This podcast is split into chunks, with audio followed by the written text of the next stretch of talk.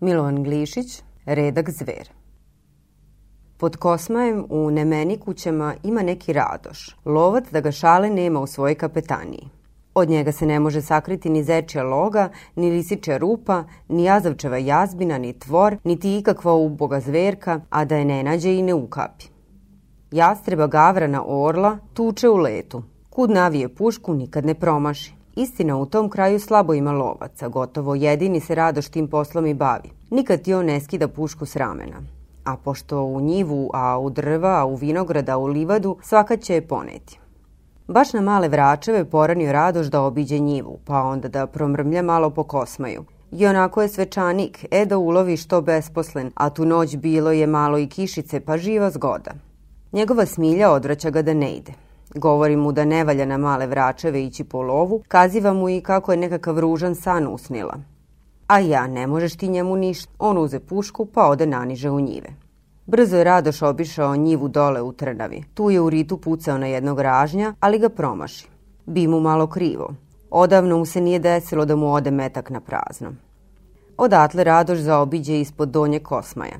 Zađe u šumu, vrljaj tamo, vrljaj amo, dok lisi ispred njega zec. Opali on za njim i opet ništa. Bog s nama, šta je ovo danas, reče Radoš glasno. Napuni pušku pa pođe dalje. Pređe preko košutice, ali nigde ništa. Nego košutice je onako već ogolela pa se nema gde ni zverka skloniti. Daj da se zađe opet u Kosmaj. Prepreči kod Kastaljana, starog nekakvog manastira i zađe u Kosmaj. Traži vrzaj ništa. Izbi već gore navrh malovana do velikih korita. Tu sede malo te podmaza i ogleda pušku pa se onda uputi u veliki kosmaj da barem ubije ko gorla ako ništa drugo. A baš tad šestarah u dva tri iznad velikog kosmaja. Ele vrza radoš od bukve do bukve, od grma do grma, dok ti tek smotri, nešto se miče oko jednog žbunića. On onda polako, polako prikrade se sve bliže. Učini mu se najpre zecije. Kad tamo ima šta videti – Golo, nago, golo dete, sve čupavo, a repato, vrda oko žbunića. Trže se Radoš i stade. Trže se i ono dete, pa stade žmirkati i gledati pravo u njega. Radoša podiđoše nekim ravci, pa u onoj zabuni viknu. Čiji si ti mali? Ono samo žmirka i miče gubicom, pa tek uze kupiti kamenice i drvca i bacati na Radoša. Radoša podijoše još krupnijim ravci. Nije čist posao, pomisli u sebi, pa opet povika. Čiji si bre govori, sad ću da pucam. I navi pušku na nj. Ono tek odlomi od žbunića grančicu pa na nišani njom na Radoša. Radoš je sav ohladi. Spusti pušku pa poče polako izmicati natrag. Ono sve bliže k njemu pa udari kamenjice. On onda stište bežati što igda može, a ono sve u skok za njime. Skotrlja se Radoš niz neku jarugu, sav se izubija i izgrebe pa beži što je živ. U onom strahu osvrte se, kad ono dete baš nad samom jarugom pa gledi u njega. Radoš nadade tutanj i sav raščupan, izgreben i uzveren strče dole prema mehanu u tresijama. Enede, šta je tebi bolan? Nu to kaki je? Gde se osakati tako, navališe seljaci pitati ga i sve se zgrzaše oko njega. Prođite se, jedva odgovori Radoš zaduvano i usplahirano. Da nisi otkud nagazio na kurjaka? Da nije hajduh, okupiše se zapitkivati. Nije braća, druga napast. Šta za Boga, kazuj brate. Radoš se pribra malo pa im koje kako ispriča na šta je nagazio. Ala, brate, zar baš kao dete, uzviknu jedan začuđeno. Pravo dete, samo čupavo. Ama jesi ti baš dobro video? Kako da ne vidim ljudi kad mi hoćaše oči izbiti kamenjem? I baš čupavo, upita drugi. Ama svudi, po obrazu i po čelu i po nosu. O, Bog s nama, prihvati treći. A ima veliši rep. Kao kerčeta. Ama da to ne bude majmun, reći će neko od njih. Kakav majmun, reče Radoš. Znam je šta je majmun, viđao sam ga u Beogradu o Markovu dne kod Paliluske crkve. Majmun je, brate, mnogo manji, a ovo je golemo. Pravo kaže, reče jedan, neće to biti majmun, nego druga neka zverka. O, budi Bog s nama, povikaše gotovo svi u glas. I stadoše premišljati šta bi to moglo biti. Neki rekoše da je anatemnjak, neki da je onako nekaka utvora. Ele svi sloški presudiše, da nije čist posao i da neće ni po selo dobro biti. Kad su već presudili da nije čist posao i da neće ni po selo dobro biti, onda stadoše smišljati što da rade. Neki govorahu da ga ostave, pa će valjda samo i otići. Neki opet rekoše da treba javiti vlasti. Neki mišljahu da ne treba buniti narod, nego da oni sad odmah idu i da to čudo kako god uhvate pa onda da jave vlasti. I tamo amo svi pristaše na ovo poslednje, to jest da sad odmah odu i da kako god uhvate to čudo. Odabraše se njih nekoliko po najkuražnijih, pa neko kolac, neko motku, neko oplavak i hajde naviše u šumu. Radoš s puškom napred da im pokaže gde je ta napast. Kad tamo, ono selo kraj nekog panjića, više one jaruge pa se sunča. Eno ga, eno ga, šanu Radoš družini. Svi se pritajiše, rekao bih i ne dišu i staše se šapotom dogovarati kako će to izverci kidisati. Da ga uhvatimo, živo da uhvatimo, šanuš se sloški. Bog i duša čudna zverka. Ti radoš u pušku na nokat pa uždi ako dođe do gusta. Samo gledaj dobro da nas koga ne osakatiš. Ne brinite se vi, reče Radoš i zasede s puškom iza jednog grma. Oni se onda razrediše, zaobiđoše se svih strana pa sve bliže i bliže. Jedan od njih skinu i gunjac, o jedan put halaknuše. Drži, ne daj, a drži. Ono se jadno prepade i pribije uz onaj panj. U tom priskoči onaj s gunjcem, te ga poklopi i uhvati. Dobro ga steže da mu se kako ne otme. Brže se raspa sa jedan, pa ga upetlja dobro pojasom preko srede i onda ga poteraše. Pođe ono gotovo mirno pred njima. Bog i duša, ovo je divlji čovek, reći će jedan. Neće to biti divlji čovek, nego divlje dete, dodade drugi. Jamačno dete, čovjek bi valjda bio veći. Šta ćemo s njime sad? Teraju u opštinu. I sva ta gomilica ljudi krete se dole u opštinu. Radoš presustao ko je od straha, ko je od bežanja, pa ode na jalak kući. U donjem je kraju sudnica opštinska i odmah do njeme Hana. Već se tu beše iskupilo nekoliko seljaka, a među njima kmet i opštinski pisar. Kad smotriše ozgo Gergu, istrčaše svi napolje da vide šta je. U tom oni ozgo stigoše pred mehanu. A šta vam je to? upita kmet začuđeno. Eto šta, vidiš, odgovori ponosi to onaj što drži pojas. Divljak. Divljak? Kakav divljak? Vidiš kakav, divlji divljak. Samo mali, još dete. Ala, brate, neće biti. Zavikivaše svi pa nagrnuše oko živinčeta i stadoše ga zagledati sa sviju strana. Kmet misli da ne bude druga kaka satvar. Ćata misli da je drekavac, seljaci divlji čovek i ništa drugo. Ele zagledaše ga, misliše i najposle smisliše, da ga zatvore u opštinsku apsanu pa da jave kapetanu. Nađoše pojače uže, vezaše ga dobro i upetljaše, pa onda uvedoše u jednu brvnaru, privezaše ga za direk pa zatvoriše. Kmeta odmah posla birova sa pismom kapetanu da se u Kosmaju našla neobična zverka. Niko ne zna podsigurno šta je, ali će jamačno biti divlji čovek. Duša valja, u Kosmeju se viđalo i vampira i vešti iz duhaća i drekavaca i svakog čuda, ali divljih ljudi nikad dojako. Stari Čiče Nenad pamti obe krajine, zapamtio je više od desetinu koje kakvih vampira, Trojicu je i sam probao glogovim kocem, a već veštica i drugih utvora viđao je sto puta, ali nikad nije zapamtio, barem se ne seća, da je bilo u Kosmaju i divljih ljudi pa i stara baba Višnja ima joj preko 90, počeli su je već rasti i treći zubi, rodila se u beloj košuljici i vidovite. I ona je viđala mnogo i mnogo čuda, zapamtila je i kad su kuge kroz kosme prolazile, a pamti i kad su se kupale vile u onim koritima na vrh Malovana što se i sad vide, ali se ni ona ne seća da je bilo kad god divljeg čoveka u Kosmaju. Ali šta ćeš, danas se svet izopačio, pa bog me i napasti koje kakje nailaze i eto najposle divljih ljudi. Brzo puče glas po selu kako je Radoš nabasao u velikom kosmeju na divljaka, kako umalo nije poginuo, kako su ljudi priskočili, uhvatili ga, vezali, doterali u opštinu i tamo zatvorili. Žene se prestraviše, deca uzjazbiše. A ljudi kao ljudi jedni veruju, drugi se smeju i podsmevaju. Neki đavolani rekoše da su oni viđali dosta takvih zveraka po vašarima i da to nije baš toliko opasno. Tek svima je bilo začudo otkud u Kosmaj da dođe. Radoš je došao kući sav usplahiren, umoran, pregoreo od žeđi. Zaiska vode, napise, jedva ispriča smilji šta ga je snašlo, pa odmah leže onako znojevi i umoran na travu pred kućom. Dugo je spavao kao zaklan. Kad se probudi, požali se kako ga bole krsta i kako mu je zima. Kad bi veče, spopade ga neka groznica i trabunjanje. Ništa za se ne zna. Smilja se prestravila, samo huče po kući i govori. Lepo ja tebi govorih, ne idi, a ti nehte poslušati. Šta da radi nego poteci nekoj anđi, travari i gatari, da je pita ima li mu kakva leka. Boga mi prio nije dobro, velio je anđa. Ja sam istina zapamtila dosta čuda, ali divljaka nije ama dolazilo. Mora lovac najposle nagrabusiti, veli tetka Sinđa, stara hercegovka, koja takođe beše došla kod Anđe da ište malo trave od izedi. Moj pokojni svekar, Bog da ga prosti, bio je lovac, kakav radoš, da ga šale nije bilo u svojoj Hercegovini. Jednom prođe pored neke pećine kad čuje gde nešto u pećini peva. Kad bi znao Bogdan, tako mu beše ime, da načini glogovu policu i udljikov zaponac pa da zapne ovde gvožđa, bi me uhvatio. Ne lezi vraže, on ode kući, načini glogovu policu i udljikov zaponac i zapne gvožđa baš pred ovom pećinom. Kad dođe sutra rano, ali u gvožđima, srna. Priđe on bliže, devojka. Odmakne se, srna. Tako jednom dva. Najposle veli zažmuri, pa šta bilo da bilo, kidiše i pusti zverku iz gvožđa. Ona mu veli progovori. Moli se Bogu što si me pustio, a ne bi ti na dobro bilo. I nestade. On onda pobegne kući, u onom strahu nije imao kad ni gvožđa uzeti. Čim kući padne kao sveća bolovati. Godinu dana sve su ga na rukama prenašali. Jedva se malo pridiže, ali se i posle dugo lecao i najposle umro.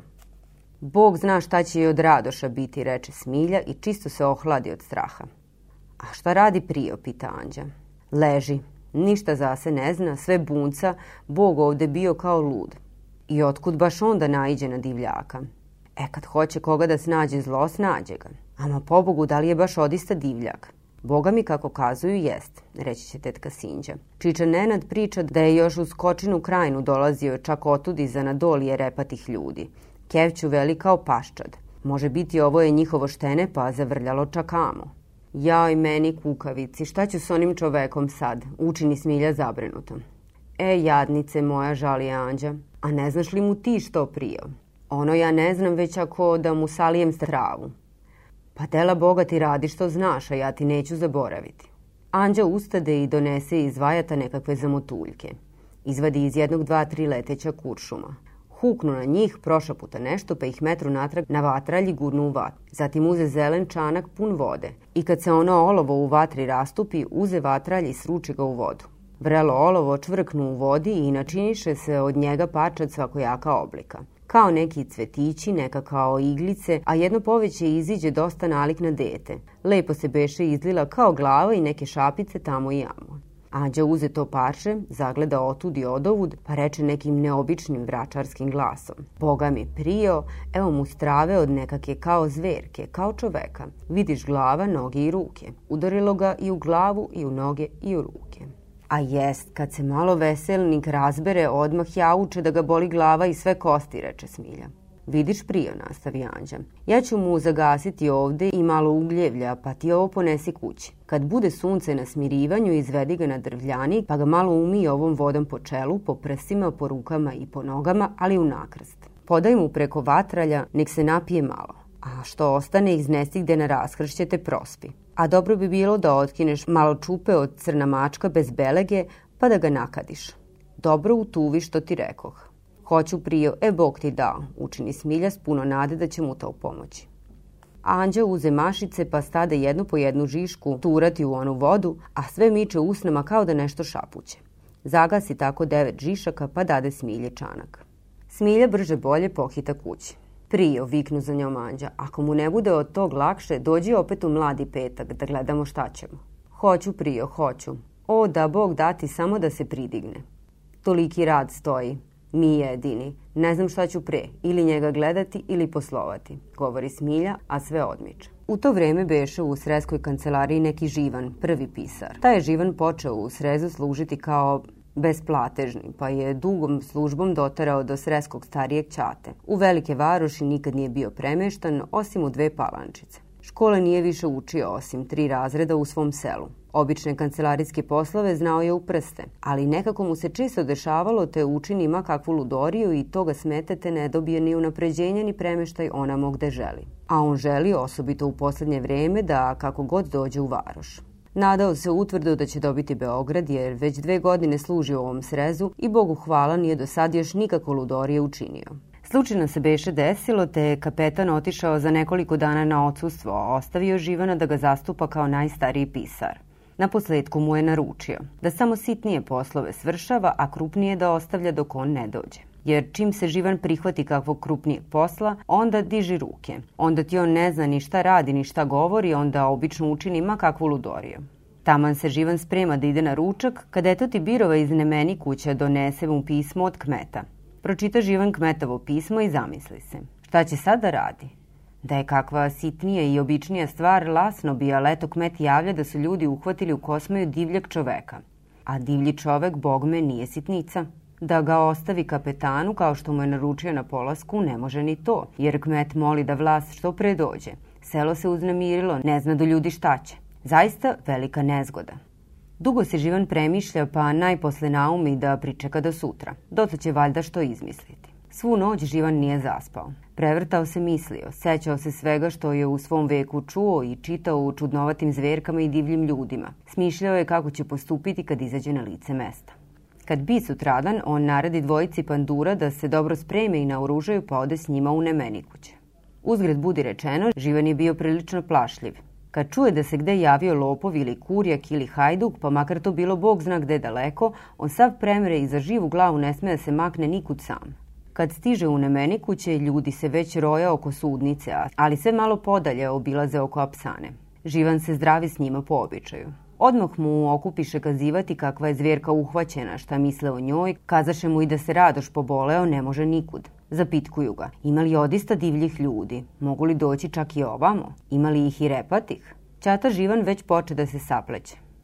Ne samo da ima repatih ljudi, nego ima i psoglava, glave pseće, a dole telo čovečije. Ima ih divljih, ima ih do pola čovek, do pola konj, ima ih s jednim okom na čelu, kolik tanjir velikim. I još mnogo im napriča koješta, a sve je veli, on to čita u nekim starim knjigama. Seljaci se zagledaju, neki mu kao i veruju, a neki se pogurkuju i iskašljuju. Na posledku navališe da otvore apsanu te da pokažu ćati kakvog su čudnog zvera ulovili. Živan okleva, zagovara još, ali nema se kud, mora videti kad je već došao. Pribra svu svoju kuraž, pa tek pođe apsani važno i reče da se otvori da vidi tog zvera. Otvoriše vrata, on zaviri unutra i strese se. Hm, redak zver promrmlja u zabuni. Nuto de jako, pa nema ga, uzviknu kmet zavirivši unutra. Bog i duša pobegao, povikaše neki što behu takođe prišli. Šta, šta, nema ga, učini ćata i stade zavirivati po apsani. Hm, hm, odista ga nema. Pa šta ćemo sad, upita kmet. Ćata se opet zamisli pa reče. Hm, divlji čovek, opasna stvar, gledat ćemo. Da ga potražimo, gospodine, velik met. Neće biti daleko. Jamačno je gde tu u potoku, povikaše neki. I tako svi navališe da ga potraže i opet uhvate. Odvoji se nekoliko ljudi, dočepaše štakom pade šaka pa hajdu poteru. I ćata Živan pođe s njima, ali nekako sve zaobilazi podalje i govori pandurima da se nađu pobliže. Ko zna šta može biti, pa nek su tu. Pozadugo vršljaše oko plotova i potoka, dok ga nađoše u nekim kukuruzima, uzbralo jedan pa jede. Saleteše ga tu i uhvatiše, ali jednog od njih dobro ogrebe. Opet ga vezaše nekom uzicom i odvedoše opštini. Ćata Živan namisli da pošalje tu zverku načelstvu. Nađoše neku sandučinu od espapa, strpaše ono živinče i zakovaše. Živan napisa pismo načelniku. Kaza mu kako je uhvaćen u njegovom domašaju jedan redak zver, kako niko ne pamti da je takvih zverova bilo u ovom kraju, kako je vrlo opasan i može osakatiti čoveka i na posledku kako svi misle da je to divlji čovek. Kad napisa pismo, odredi dva seljaka s kolima i jednog pandura da odmah idu u Beograd i da sanduk i pismo predadu načelniku lično.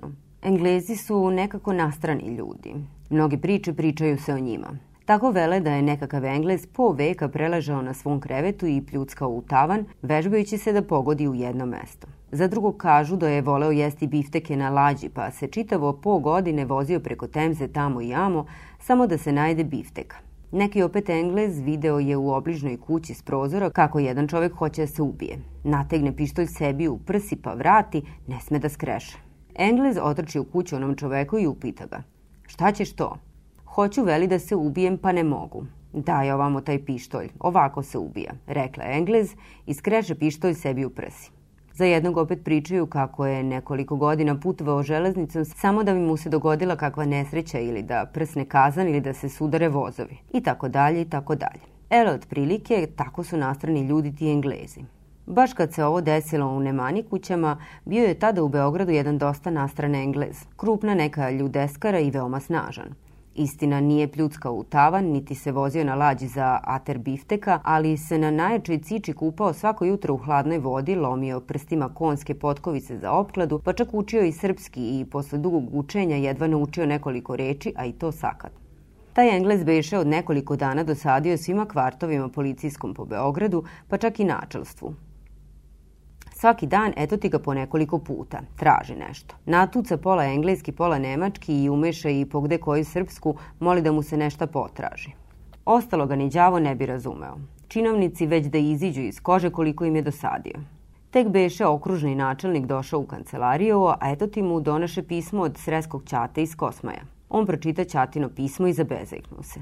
Boga mi, biće kakva ludorija, reče sekretaru, pa iziđe u avliju da vidi šta je. Kad tamo seljaci stovarili s kola neku sandučinu i oko nje se nakupili panduri i praktikantice zaviruju. Hoćemo li otvoriti, gospodine, upita jedan pandur, držeći u ruci neku sekiricu, spreman da otkuje zaklopac. Pazite dobro, veli načelnik. Onaj mi piše da je to vrlo opasan zver. Čuvajte se da ne osakati nekoga. Pandur priđe i poče otkrivati pažljivo sanduk. U tom upade u avli onaj englez. Ih, evo ga opet, učini načelnik i namršti se. Baš mi dosadi. Englez sasvim nemarno priđe načelniku i upita. Ima piše, tako traži. Na prstima i mimikom zapita načelnika. Kao je li već pisano da mu se traži što je molio? Jest, jest, odgovori načelnik, pa i on mu prstima pokaza da je pisano. Af, af, reče Englez i poče pokazivati nešto rukama i mimikom. Ama gospodine, molim vas, poče načelnik gotovo ljutito. Pričeknite malo, vidite da imam posla. I pokaza mu mimikom da sad nema kad s njim razgovarati. Good, good, sir, reče mu Englez, pa sasvim nemarno stade i on zavirivati oko onog sanduka. U tom panduri odvališe zaklopac i svi se na prvi mak trgoše kad videše ono živinče unutra. Englez odmah pritrča i zaviri pa se stade grohotom smeti i govoriti nešto o onom živinčetu kao da mu tepa. Zatim se vrlo radostan okrete načelniku i kroz smeh povika. Ovde on af i naže se te izvadi zverku iz sanduka. Pa to je majmun, učini načelnik začuđeno. Jes, jes, jes, odgovori Englez i stade milovati majmuna, tepati mu nešto engleski i prijetiti mu prstom. Dobro, ser, dobro, reče načelnik i dodade poluglasnom. Hvala Bogu, sad mi barem nećeš ti dosađivati. Pa ode u kancelariju. Englez uprti majmuna pod pazuhu, pa ode u varoš klibeći se jednako nanj. Šta bi, upita sekretar kad načelnik uđe. Ništa boga vam, odgovori načelnik gotovo ljutito. Ludorija. Onaj zvekan našao negde majmuna pa misli bog zna šta je. Otkud tamo majmun? Pa eto otkud. Ovom ludom Englezu što nam već dosadi od nekog vremena pobegao majmun. I đavolja traga otišla čak u Kosmaj. Tamo ga negde natrapali seljaci pa digli viku divlji čovek, a onaj ludak primio to za gotovo kao da nikad nije video majmuna. Može biti i nije, reče sekretar. A izbrusit ću ja njega dobro, reče načelnik, popreti prstom, pa sede i poče pisati pismo Ćati Živanu, zastupniku kapetanovom. Mora da je nešto vrlo oštro pisao jer se sve mrgodio i mahao glavom.